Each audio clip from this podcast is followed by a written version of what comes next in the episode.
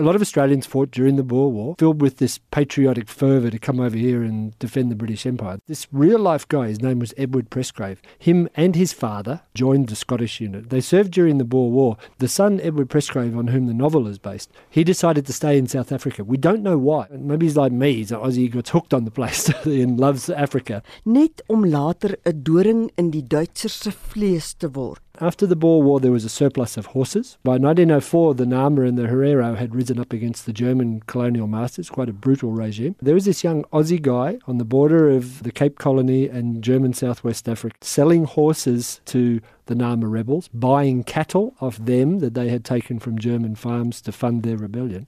And at some point, he ceased being an entrepreneur and he joined the Nama with a guy called Jacob Marengo, a very charismatic guerrilla leader. And the Germans took out a contract on him. They were so threatened by this upstart young guy. Die wilde perde naby Aus in Namibië is duidelik in die verhaal verweef. They're certainly descended from horses brought in there by white people. Mense het baie ander teorieë oor waar die wilde perde vandaan kom. The most accepted theory is that they were actually South African horses used by the South African military when they invaded German Southwest Africa at the start of the First World War. The Germans, with their one aeroplane, bombed the camp at Aus. They broke a kraal and the horses escaped into the desert. There's a few romantic theories. There was a German nobleman living in Southwest Africa and he went off to the First World War. His horses were let go into the desert. There's another theory that the Schutztruppe and the German soldiers, when they surrendered to the British, set them free. I've made up a new one that the horses date back to when this young Aussie guy was riding around with the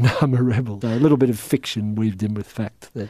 Parker sê hy deeglike navorsing oor die geskiedenis gedoen. All my other books, I find that as an Australian writing about Southern Africa, the best way to research is to just be in the place. And I try as hard as possible to write my novels on location. Most of what I learned, I picked up while travelling through Namibia. Maar van waar Parker se aangetrokkenheid tot Suid-Afrika Afrika. What happened to me happens to a lot of foreigners. We're not sure. We get bitten by something or we breathe something in or we drink something. But this is an intoxicating, almost addictive part of the world. It starts often with wildlife, but it's much more than that. It's the history, the people, the cultures, the landscapes. I've been writing about it for 17 years. And of course, writing what is mostly contemporary fiction, you learn about the corruption and the crime and the political mismanagement and the health issues and the poaching, all these terrible things.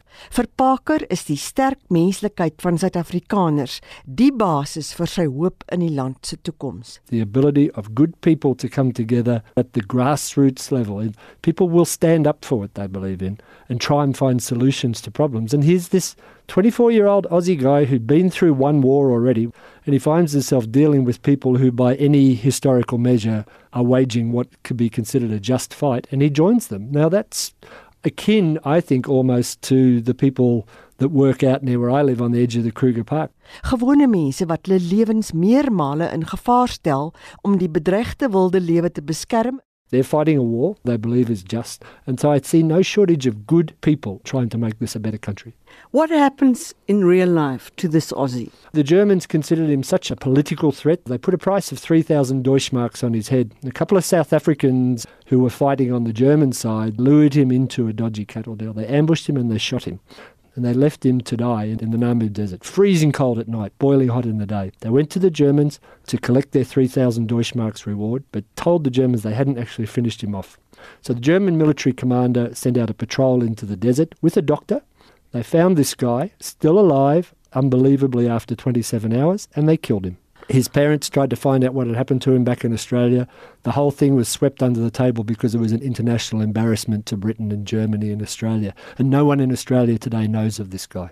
Baie Namibiërs wil graag die wilde perde beskerm. That is now recognized by Namibia as having a value as a tourist attraction. They have definitely put their stamp on the environment, but they're in trouble because the natural inhabitants, the spotted hyenas, are increasing in numbers they're killing more of these horses and of their foals. So the horses are actually declining in numbers. And the Namibian conservationists are faced in this very, very tricky situation where do they let nature take its course, uh, the indigenous species take out the introduced species, or do they start controlling the hyenas?